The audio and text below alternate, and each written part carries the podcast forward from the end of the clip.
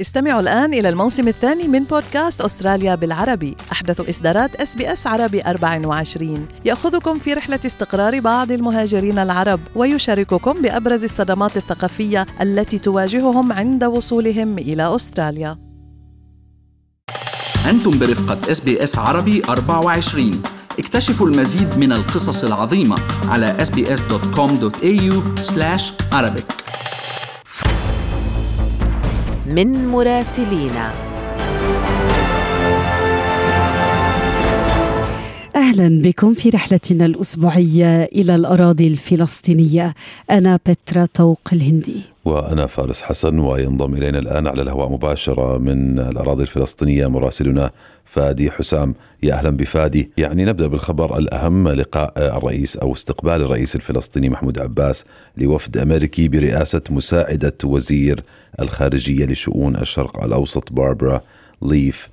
قبل زيارة مرتقبة لجو بايدن يعني إلى المنطقة. آه، يعني يبدو في كان مطالبات محددة لعباس نعم. وتحركات نشيطة شفنا اتصال أيضا مع الرئيس الفرنسي إيمانويل ماكرون الأسبوع الماضي آه، هل تثمر هذه النشاطات الأخيرة فادي برأيك؟ صحيح فارس يعني هذا الاستقبال كان يوم السبت في مكتب الرئيس الفلسطيني محمود عباس بمقر الرئاسة بمدينة رام الله الاستقبال يعني ضم وفدا أمريكيا وصف برفيع المستوى كما ذكرت ضم مساعدة وزير الخارجية الأمريكي باربا ليف ونائبها هادي عمرو وهو المبعوث الأمريكي للشؤون الفلسطينية.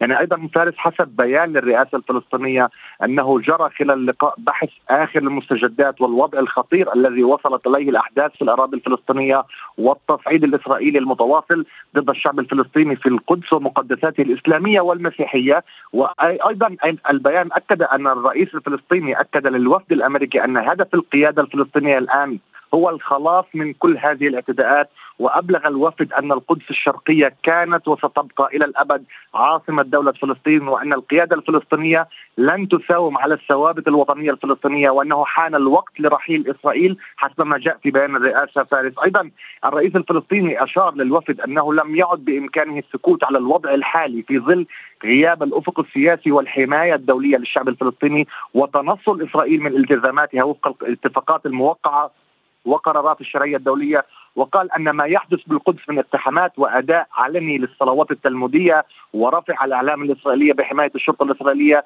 يعد انتهاكا للوضع التاريخي القائم بالقدس وأن كل هذه الأفعال لن تمنع الفلسطينيين من أداء شعائرهم الدينية بحرية في المسجد الأقصى وكنيسة القيامة. أيضا الرئيس عباس أكد للوفد بأن القيادة الفلسطينية بصدد اتخاذ إجراءات لمواجهة هذا التصعيد الإسرائيلي في ظل عجز المجتمع الدولي عن إرغام إسرائيل الامتثال للقرارات الشرعية الدولية ووقف إجراءاتها خاصة إجراءات التطهير العرقي والتمييز آه، والتمييز في فلسطين وأن الصمت الأمريكي على هذه الاستفزازات والممارسات الإسرائيلية لم يعد مقبولا من قبل القيادة الفلسطينية، أيضا الرئيس عباس حسب بيان الرئاسة طالب بضرورة رفع منظمة التحرير الفلسطينية عن القائمة الأمريكية للإرهاب وإعادة فتح القنصلية الأمريكية في القدس الشرقية ومكتب منظمة التحرير في واشنطن بصفتها شريكا كاملا وملتزما في عملية السلام ووقف جميع الأعمال لحديث الجانب من قبل الاداره الأمريكية، يعني أيضا بدورها فارس أكدت مساعدة وزير الخارجية الأمريكي التزام الإدارة إدارة الرئيس جو بايدن بحل الدولتين وأن مهمة وفدها هي التحضير لزيارة الرئيس جو بايدن والذي يرغب في لقاء الرئيس محمود عباس وبحث تعزيز الشراكة والعلاقات الفلسطينية الأمريكية وإيجاد سبل وقف التصعيد في المنطقة والانتقال إلى الأفق السياسي. وأيضا أعربت على حرص الإدارة الأمريكية على خلق البيئة المناسبة بهدف إعطاء أمل للفلسطينيين وشعوب المنطقة كافة. نعم فادي دعنا ننتقل إلى زيارة رئيس الوزراء الإسرائيلي نفتالي بنت أبو ظبي.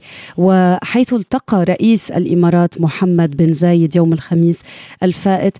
النظيران يعني كان عندهم لقاء عمل موسع. ماذا حملت هذه الزيارة؟ صحيح بترا الزيارة كانت يوم الخميس وصل رئيس الوزراء الإسرائيلي بنت إلى الإمارات في زيارة مفاجئة لم يكن معلن عنها وخاطفة أيضا استمرت لساعات فقط. يعني زيارة نفتالي بنت هي الثانية له إلى الإمارات منذ تطبيع العلاقات بين البلدين في العام 2020 والأولى أيضا بعد تولي الشيخ محمد بن زايد منصب الرئاسة إثر وفاة أخيه غير الشقيق خليفة بن زايد ال نهيان يعني بترا أوفر جندلمان المتحدث باسم رئاسة الوزراء الإسرائيلية في تغريدة له قال أن هذه الزيارة جاءت تلبية لدعوة من رئيس دولة الإمارات العربية المتحدة محمد بن زايد ال نهيان وأن العلاقة المميزة التي نسجت بين إسرائيل والإمارات ستنتقل إلى مستوى أعلى لما فيه نمو وأمن للشعبين بعد هذه الزيارة، يعني أيضا بحسب وكالة أنباء الإمارات الرسمية أن رئيس الدولة محمد بن زايد اجتمع برئيس الوزراء الإسرائيلي وبحث معه مسارات التعاون الثنائي وفرص تنمية في مختلف الجوانب خاصة الاستثمارية والاقتصادية والتنموية بجانب مجالات الأمن الغذائي والصحة وغيرها من القطاعات الحيوية التي التي تقوم عليها التنمية والتطوير بما يحقق تطلعات البلدين نحو المستقبل هذا حسب وكالة أنباء الإمارات. يعني أيضا القناة الثالثة عشر بترا الإسرائيلية عدت تقرير عن الزيارة وقالت أن إيران كانت في صلب المحادثات السرية التي جرت بين رئيس الوزراء الإسرائيلي ورئيس الإمارات.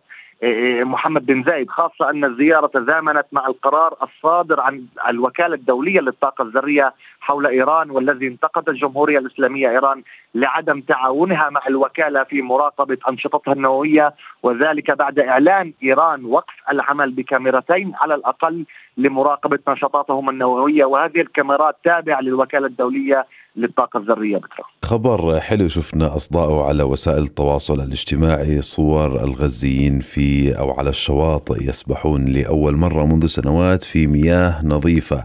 نعرف للأسف كان في يعني شبه كارثة بيئية في القطاع ومياه الصرف الصحي تصب في هذه الشواطئ.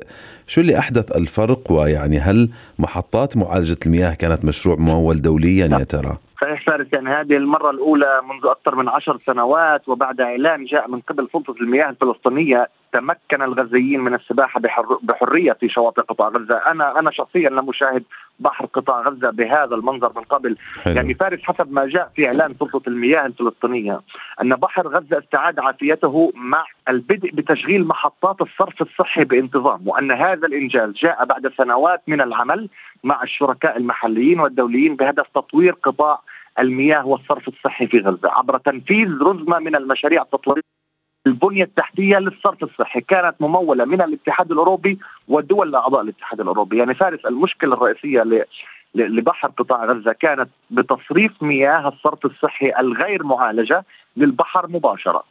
والسبب أن محطات معالجة الصرف الصحي لم تكن تعمل بانتظام بسبب انقطاع التيار الكهربائي لساعات طويلة عن هذه المحطات، يعني مدة انقطاع الكهرباء في غزة اليومية فارس تتراوح من 12 إلى 16 ساعة يوميا ولكن الآن تعمل محطات معالجة الصرف الصحي بقدرة تشغيلية تصل إلى 80% حسب سلطة المياه وذلك بفضل ربطها بخطوط كهرباء بديلة وأيضا خطوط كهرباء الطاقة المتجددة وهي الخلايا الشمسية التي تولد الكهرباء.